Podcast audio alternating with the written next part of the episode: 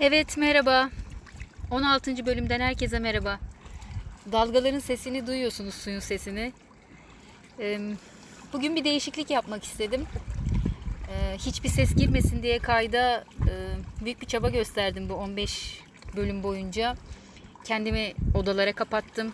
Pencereleri kapattım. Panjurları indirdim. Ee, Datça hep rüzgarlıydı. Rüzgarı duymayın diye birçok önlemler almaya çalıştım.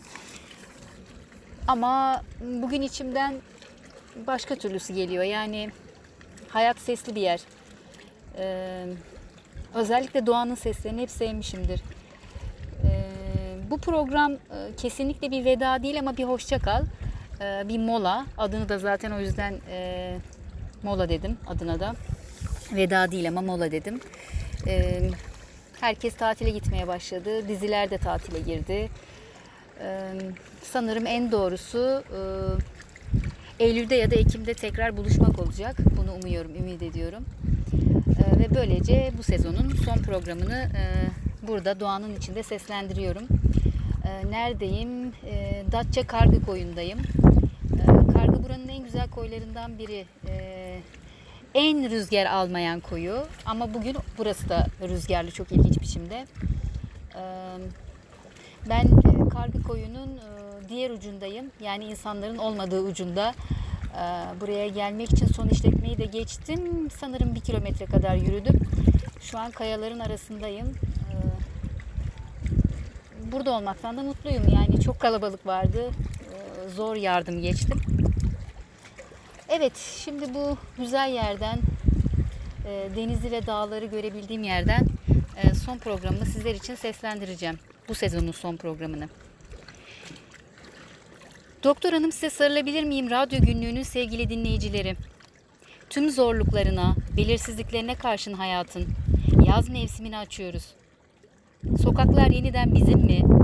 Güzel bir kafede oturup güvenle bir kahve ya da çay içmek mümkün mü? Henüz bilmiyorum. Denemedim. Ama görüyorum.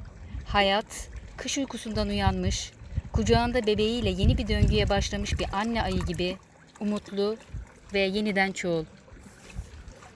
Öyle ya da böyle atalarımın kökleriyle nefes almaya devam eden sevgili İstanbul'da da ikinci yuvam olan Datça'da da yaşam tüm hızıyla devam ediyor. Elbette günler Datça'da o kadar da hızlı sayılmaz.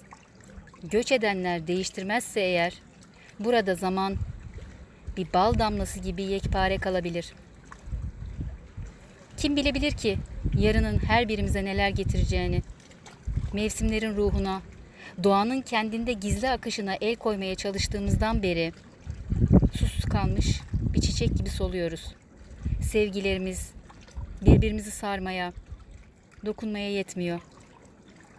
Giderek kendi sözlerimizin kalabalığında sağırlaşıyoruz ötekine. Öteki böyle vebalıymışçasına kaçmayı sürdürecek miyiz yüzleşmelerden? Evet, az önce de söylediğim gibi bir mola verildi kapanmaya.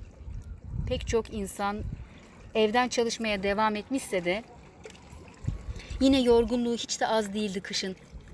İnsan bu duvarlar, bu taşlar örüle, bu duvarlar bu taşlarla örülecek deyip taş taşısa bütün kış yorulmaz da bu duvarı yapsam ne olur, yapmasam ne olur diyorsa ondan yorgun olmaz. İşte bizi ayakta tutan değerler, bir toplumun mayasını oluşturan sosyal adalet ve denge kan kaybettiğinde insan böyle yolsuz kalıyor. Yol sözcüğünü burada bilerek ve isteyerek kullanıyorum. Yolsuz kaldım denildiğinde parasızlık anlaşılır. Ne tuhaf bir deyim değil mi? Paran olmayınca yolu da yürüyemiyorsun sanki. Tam bu noktada aklıma Orhan Veli geldi.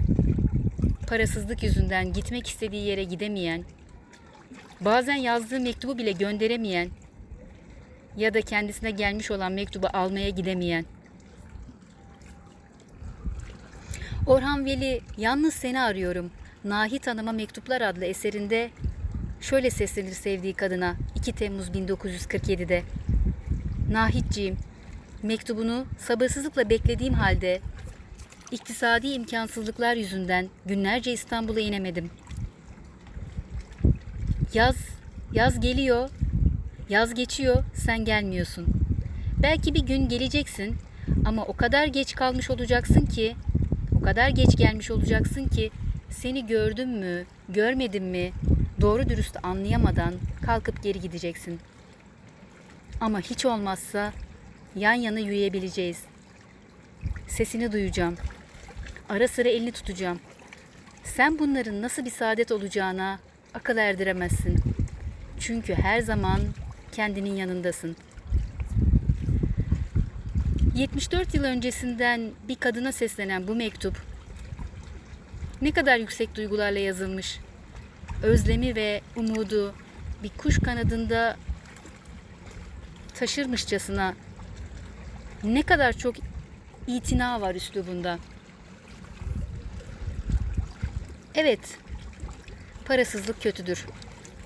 Ama yan yana yürüyebileceğiniz insanların olmaması daha da kötü değil mi sizce? Ben yolsuzluktan bunu anlıyorum. Ya Türkçemiz, Türkçemize bayılıyorum. Büyük bir sevgim var. Nasıl bir zenginlik, nasıl bir metinler arasılık deryası Türkçe. Yolsuzdan yolsuzluğa, yolsuzdan yolluya uzanan bir sosyal harita içimizde. Anladığım, kadın, anladığım kadarıyla tek başına yürümek de, istediğiyle yan yana yol almak da hala erkeğe özgü.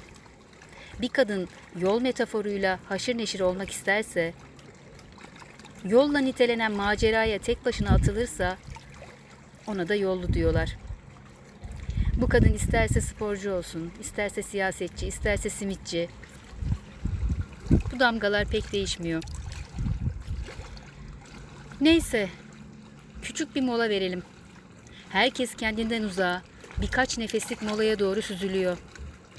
Tatil sözcüğü beni ezelden beri endişelendirdiğinden güç toplayıp yeni hikayeler keşfedeceğim bu zaman aralığına mola demeyi tercih ediyorum. Kısmetse Eylül ya da Ekim'de birlikte yola devam edeceğiz. Kitapsız, radyosuz ve dostsuz kalmayın. Sevgilerimle. Hoşçakalın.